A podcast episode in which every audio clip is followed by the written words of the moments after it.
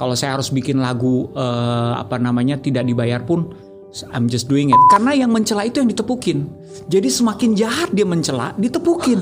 Semakin kasar kata-kata yang dia pakai, ditepukin. Kita tuh iya. kadang-kadang menolak sesuatu yang Tuhan mau kita decided udah mau aja, it's okay, I'm with you. Itu anak-anak sampai karena nggak jelasnya ada yang sudah bilang kayak gini, kalau tahun 2000 nggak juga ada album baru, I'm gonna use ijazah gue. Gue akan kerja kantoran. Ini satu hal yang menarik yang saya pengen tanyakan ya, karena kan uh, thank you anyway for sharing your life story di buku oh, yeah. Impossible. thank you for asking me. Sama-sama. Nah, tapi um, kalau aku baca di sini sebenarnya dari sejak pertama kali membuat dipercayakan untuk membuat album yang pertama yeah. um, sampai akhirnya yang meledak, hmm? yang berhasil yang tua gampat. Yo teman-teman, karawan-karawan bener gak sih? Benar, benar, benar, benar, benar, masih inget ya. Um, itu kan butuh proses, yeah. Iya. uh, proses penantian lah namanya. Wow. Oke, okay, benar nggak? Nah, yeah. untuk orang-orang yang sudah yakin, oke okay, saya yakin deh, ini yang saya mau, ini yang saya bisa, pasti mereka menantinya dengan keyakinan. Yeah. Betul kan? Nah, tapi kalau yang saya baca, justru pada saat itu ini penantian dengan kegelisahan dan kebimbangan. Iya. Nah itu kan agak susah karena kadang-kadang kita nggak yakin nih. Nah sekarang kalau kita nggak yakin kan apakah is it worth worth waiting atau yeah. enggak? Nah itu gimana caranya bisa menanti penantian dalam kebimbangan? Betul, that's a good question sih, Mer. Hmm. Jadi saya bisa melihat ini bukan cuma saya aja yang merasakan. Like hmm. everyone in the project pop, I believe mereka merasakan hal yang sama. Hmm. Karena kalau di label itu di ya ini rahasia umum lah. Mm. Kalau label kan punya banyak artis. Mm. Kalau artis yang sudah mereka tampilkan artis baru ternyata tidak sedemikian menjualnya. Mm. I'm not saying album pertama kita bener-bener flop. Cuman sebatas itu aja, bener-bener like nyampe di break even point tapi profitnya nggak gede hmm. karena mungkin orang nggak ngerti ada grup baru nekat-nekatnya ngambil konsep komedi ya yeah. kalau yang parodi sudah bisa diterima karena parodi kan plesetan orang familiar dengan lagu aslinya yeah. sehingga begitu diplesetkan lucunya kelihatan yeah. tapi kalau lagu komedi baru plus yang nyanyi semuanya tidak punya pengalaman bikin lagu dan nggak tahu bagaimana caranya lagu komedi itu kayak jadi kita benar-benar um, proyek pertama kita Lumpia versus Bapia itu tidak sesuai dengan harapan. Walaupun hmm. memang tetap banyak orang yang mengapresiasi karyanya. Hmm. Karena itulah kita harus rela dan ikhlas menunggu kesempatan berikutnya oleh hmm. Uh, recording company. Plus dengan kontrak kita tidak bisa seenak-enaknya udah tahun kedua kita nggak sama label ini ya kita pindah label nggak bisa. Kita kan hmm. kan ada kontrak, hmm. ya kan. Jadi karena ada kontrak kita harus nunggu kesempatannya dari label yang sama. Hmm. Ya kalau misalnya label yang sama tidak memberikan kita kesempatan lagi ya selesai. Yeah. ya itu kita menanti empat tahun dan empat tahun itu kan penantian yang nggak sebentar ya yeah. untuk musisi. Ya jangankan yang zaman dulu yang sekarang aja kita lihat deh kalau lewat setahun aja sudah banyak yang baru. Betul. Dan kita sudah dilupakan, betul, right? Betul. Hmm, jadi itulah sebabnya banyak one hit wonder, banyak uh, musisi-musisi yang terkenal dengan one hit wonder karena hmm. dia cuma sukses satu lagu and then dalam continuity-nya nggak ada. Hmm. Nah, kita nih kita kita belum dikatakan kita bisa one hit wonder karena uh, hits kita cuman sosok. Nggak wonder wonder banget. Ya sekarang sih banyak yang menyukainya banyak yang gila gue suka banget lumpia versus bapia. But at that time gitu Betul. dibandingkan dengan lagu-lagu yang lainnya kita oke okay lah gitu itu yang mendebarkan sih deg-degan kita. Yeah. nih Lumpia versus Babia tuh kayak aku masih ingat lagu-lagu parodi kayak uh, Tai Kebo. Itu itu di situ kan? Nggak aku ingatnya soalnya yeah, itu yeah, kan yeah, lagunya yeah, yeah. Madonna Tai Kebal yeah, yeah, aku ingat-ingat banget banyak lagu-lagu yeah, yeah. plesetan. Itu di yeah. album yang itu bukan? Itu atau di, album tua gampat itu di senior kita di Denny, oh, Isur, Daan. Oke okay, oke okay, oke okay, oke. Nah mereka punya jatah parodi. Parodi. Ketika okay, kita okay. dijadikan uh, proyek selanjutnya, kita nggak okay. boleh mengambil jatah itu. Betul, makanya plus, harus bikin. Plus orang juga sudah mulai sadar di zaman itu copyright sudah mulai oh. dipertanyakan. Di zaman waktu mereka bikin album-album awal mungkin belum sedemikian hebohnya tentang copyright. Iya, Begitu yeah, sudah yeah. dipertanyakan, mereka sudah menilai oh ada nilainya ternyata ya okay. yang harus dibayarkan kepada pencipta maupun distributor. Walaupun diparodikan seperti itu ya tetap juga yeah, ya. walaupun okay. walaupun dapat izin dari penciptanya tapi tetap okay, okay. ya kan ini sudah ada copyright orang sudah ngerti and then yeah, yeah, you need yeah. to add values to it. Oke, okay. ya, so tadi Yosi nyebut par lagu parodi aku jadi teringat-ingat lagu-lagu yang nyantol. Iya. Tapi ya balik lagi kalau kita pertanyaan kamu tadi penantian Iya. itu mendebarkan iris Iya, ya iya, iya. plus situasi yang ber, eh, terjadi di sekeliling kita 98 ada krisis moneter Mhm. ya kan itu anak-anak sampai karena nggak jelasnya ada yang sudah bilang kayak gini salah satu dari kita kalau tahun 2000 nggak juga ada album baru I'm gonna use ijazah gua gua akan kerja kantoran gitu kan sudah ada yang kayak gitu Iya. sudah mulai ada yang mempertimbangkan um, skenario kehidupannya I, I need to have a plan B I need to have a plan B I, I cannot ini ya terlalu pasti di sini gitu semuanya sudah berpikir seperti itu Iya. termasuk saya. Saya yakin semuanya anggota sudah berpikir oke. Em, kenapa saya dan waktu itu saya ingat saya dan Tika dan Ujo mungkin karena kita masih sedikit lebih tenang karena kita sudah mulai mencoba sendiri, kita mulai siaran di Jakarta. Ada beberapa acara dipercayakan untuk kalau Tika memang secara icon bagus, dia memang the only girl in Project P. Jadi Iya. terlihat terlihat tidak bisa disembunyikan. Oke. Tapi still dalam dalam konteks rekamannya kita masih tetap dalam apa namanya em, mental bertanya gitu ya. Iya, Is it gonna be okay atau tidak? Oke. Gitu. Kita menanti sampai akhirnya diberi kesempatan lagi di 2000 Hmm. tahun 2000 tua gapat itu. Hmm. Nah itulah ya udah pokoknya inilah kayaknya ini adalah kayak pertaruhan gitu. Ini enggak enggak sukses that's it. Ya udah Oke. kita cabut. Kita pikirkan karir kita masing-masing. it for Project Pop. Itu sebenarnya itu penentuannya di tua gapat. Hmm. Tapi kalau dari Yosi sendiri ini kira-kira eh, apa yang Yosi katakan setiap hari eh, ketika ada kebimbangan itu? Karena again seperti saya bilang kan mungkin ini juga sangat relatable khususnya untuk anak-anak muda sekarang ya di mana kita semua tahu semua pasti butuh proses, semua butuh waktu. Kalau memang kita sudah yakin ini yang kita mau, ya mungkin kita menantinya pun juga dengan conviction gitu. Tapi kadang kan kita juga dilema sendiri ini bener nggak ya? Jangan-jangan saya menanti di jalan yang salah nih, malah buang-buang waktu kan. Betul, Ah, ah. betul. How gimana caranya? Jadi kalau kayak tahu? gitu ya memang saya pasti akan gini cara saya menjawabnya selalu begini karena uh, ada dua cara orang berpikir dan menilai- menganalisa segala sesuatu. Satu Mhm. berarti based on lo- logic kan. Logika dia melihat dan mem- membandingkan dengan apa yang what's going on pada umumnya. Mhm. Ya kalau kayak gini ya berarti biasanya terjadinya begini, logikanya begitu. And then kalau di situ kita tidak menemukan jawabannya, the the rest is talking about uh, faith, talking about your spiritual connection with you know pencipta kamu. Masa sih saya diciptain untuk cuman jadi orang yang sia-sia saja, you know. Iya. When you talking about faith ya kita berarti berlandaskan apa yang belum kita lihat kan. But we gonna have we, we just have to believe. Jadi itu yang saya katakan sama diri saya tiap hari. You, you need to know yourself. Masa balik lagi ke pengenalan diri kamu, you already know yourself. Kamu sudah sampai di level di mana kamu mengerti kamu berharga. You are worth it. You are uh, valuable. Kamu punya talenta. Just believe itu bukan untuk kesia-siaan, itu untuk sesuatu. So I just always have to itu tells myself things like that. Jadi um, it- se- sejak itu karena saya memegang prinsip yang seperti itu, saya menjadikan diri saya um, apa ya mengejar apa yang bisa menjadi berguna buat diri saya dan orang lain. Oke. Kalau saya harus bikin lagu eh, apa namanya tidak dibayar pun, I'm just doing it. Ya, seperti itulah. Maksudnya I just eh, cari yang ke sana passion, yang you know you willing to sacrifice without even getting paid, something like that. Eh, di- minta bantuan MC di sana, di sini, di sana. Sesuatu yang pokoknya berhubungan masih berhubungan dengan menghibur. Oke, I'll do it. I'll do it gitu.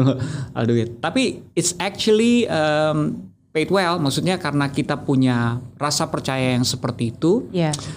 Akhirnya kita tidak menghabiskan waktu kita hanya dengan complaining dan ketakutan Ya. tetapi kita menghabiskan waktu kita dengan sesuatu yang berguna karena kita kita nggak tahu apa yang hal-hal kecil yang kita pikir kecil Ya. tetapi begitu kita lakukan secara konsisten bantu orang lain you know membuat sesuatu create sesuatu akhirnya itu juga menambah skill kita supaya lebih siap lagi di musim berikutnya bukan Hmm. jadi em, karena saya menolak untuk untuk menunggu dengan kesia-siaan Iya. and tells myself you know what you can be better than this gitu. Jadi wake up, isi waktu-waktu santai kamu dengan sesuatu yang berguna ya udah. I just doing it. Mau bikin lagu apa segala macem I just process myself. Yeah. Dan akhirnya I, I'm ready in the next season. Iya, iya. That's that's a very good point sih. Karena menurut saya um, kita semua punya tugas masing-masing ya. Tuhan punya tugasnya masing-masing untuk bisa menyusun puzzle-nya. Tapi kita sebagai ya manusia, kita juga punya tugas masing-masing ya terus aja melakukan sesuatu yang berguna. Dan Iya. sebenarnya dengan kita melakukan lebih banyak hal itu kan sebenarnya juga membantu Tuhan untuk mengarahkan kan. Karena kalau kitanya diem aja juga Tuhan mau ngatur pun ah, ini manusia kok susah banget sih digerakin gitu ya nggak sih? Iya, betul. Tapi dengan kita melakukan ini melakukan itu ya jadi uh, otomatis itu juga sekaligus meningkatkan skill kita ya dan sekaligus membuka kesempatan juga.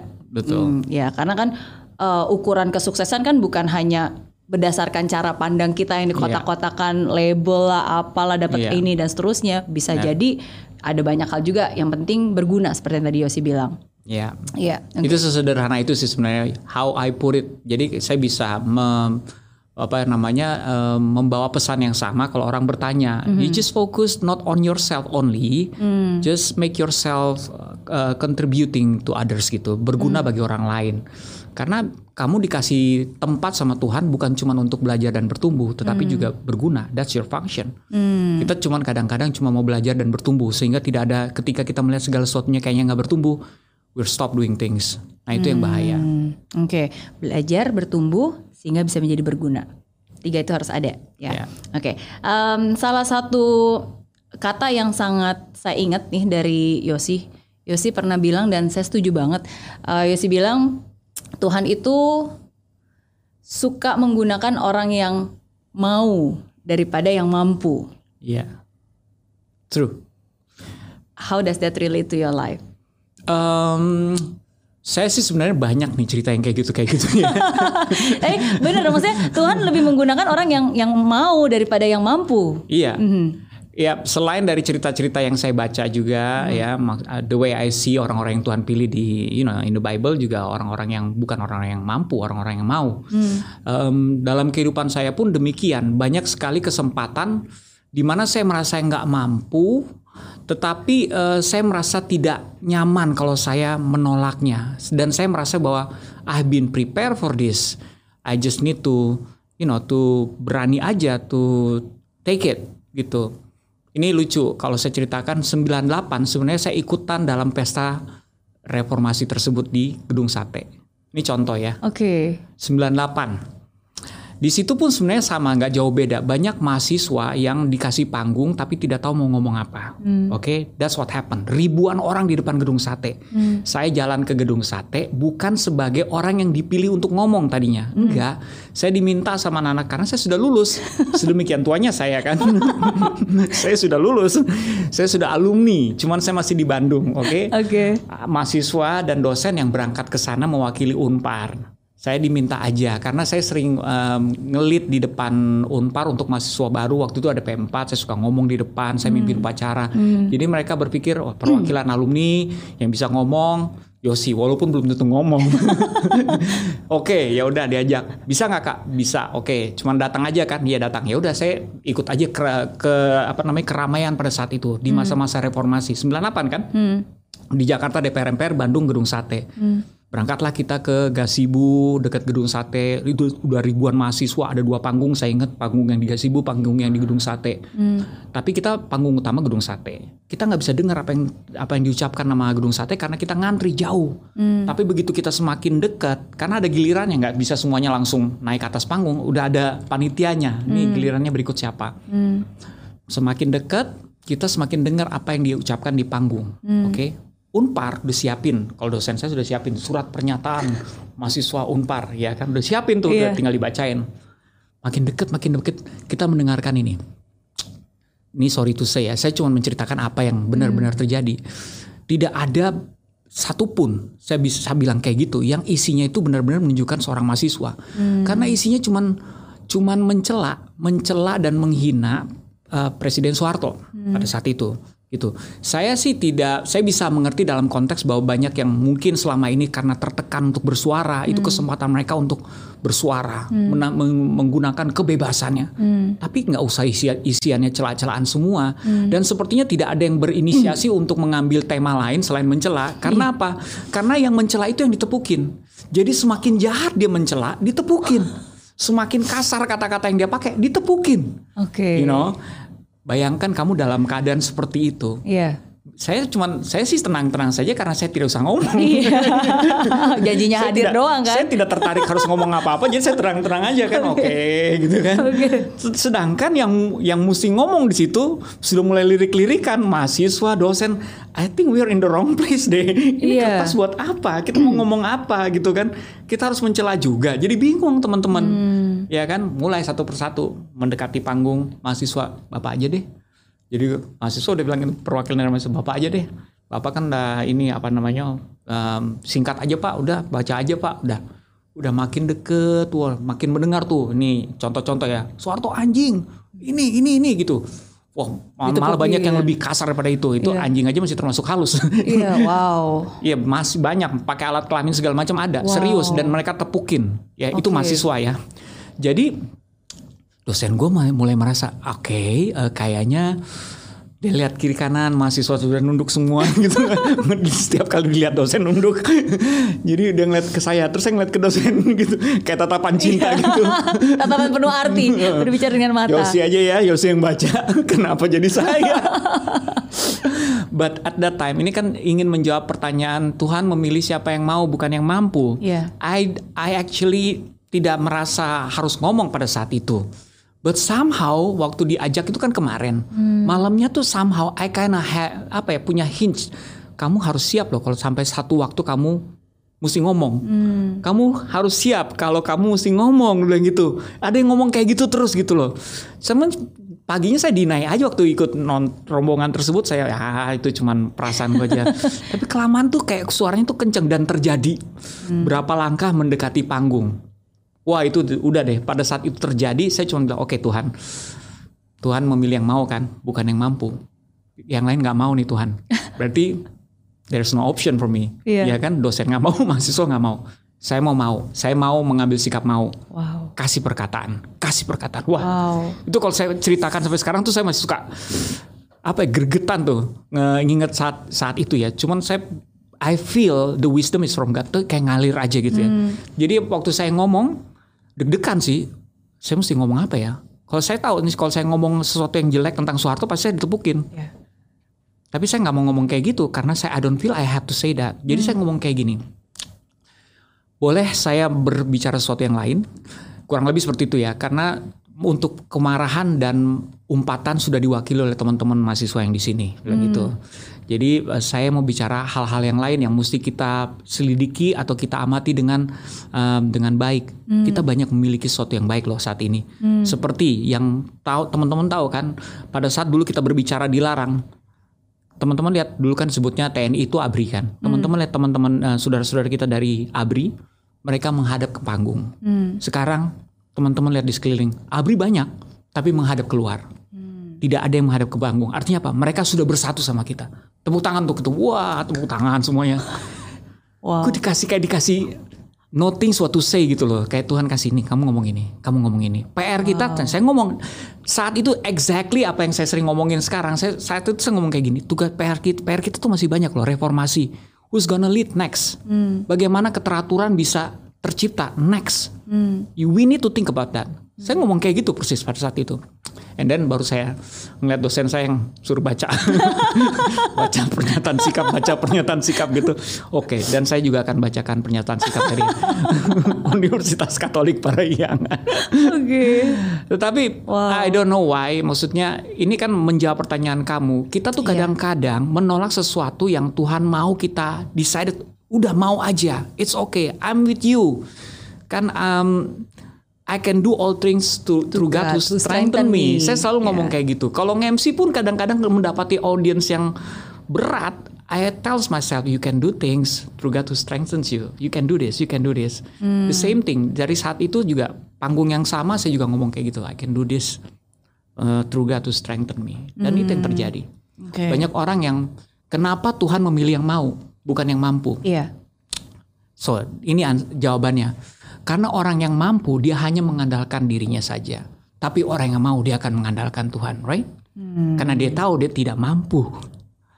Makanya begitu dia berpartner sama Tuhan, dia jadi mampu. Hmm. Dan dan menurut saya ini satu hal yang penting khususnya di saat-saat pandemi sekarang di mana yeah. Lot of things change. Yeah. Uh, dan ini sebenarnya kesempatan bagi banyak orang di mana sebenarnya menurut saya pribadi ya ada banyak orang yang hidupnya jadi berubah. Ini sebenarnya kesempatan di mana mungkin uh, Tuhan ingin menggerakkan kita untuk ke tempat yang berbeda, yeah. Yeah. Um, ranah yang berbeda, mungkin pelayanan yang berbeda dengan cara yang berbeda gitu. Yeah. Cuma sometimes berubah itu kan nggak mudah dan exactly. kita selalu terbiasa dengan apa yang kita bisanya ini kok. Mm -mm Kenapa saya harus iya. mencoba sesuatu yang baru? Apalagi saya nggak yakin. Nanti kalau saya malu-maluin gimana? Iya nggak? Iya, yakin iya, ya kan? Iya, nah, jadi sometimes again sih. Tapi ketika Yosi bilang bahwa ya Tuhan selalu memilih yang mau daripada yang mampu. Dan kenapa Tuhan lebih memilih yang mau? Karena dengan itulah kita berserah kepada yang di atas yeah. um, ya semoga itu memberikan kekuatan buat kita yang mungkin sekarang berada di saat yeah. apa bergumul yeah. di saat yang sulit seperti di ini saat ya. yang sulit ya yeah. betul karena banyak orang mungkin pada saat ini mereka harus mengambil keputusan susah dalam hidupnya di mana mungkin ya mereka juga nggak nggak ngerti dan nggak tahu lagi nih mau gimana dan harus berbuat apa benar benar ya nggak benar ya mudah-mudahan apa yang kita yang saya bagikan ini bisa menjadi kekuatan buat yang hmm. lain dalam perjuangannya dan pergumulannya masing-masing. Oke. Okay. Bahagianya di saat pacaran itu sangat ini loh, sangat banyak tipu muslihatnya. And I, I love this video. Ini menurut saya harusnya ini trending nih, beneran. Karena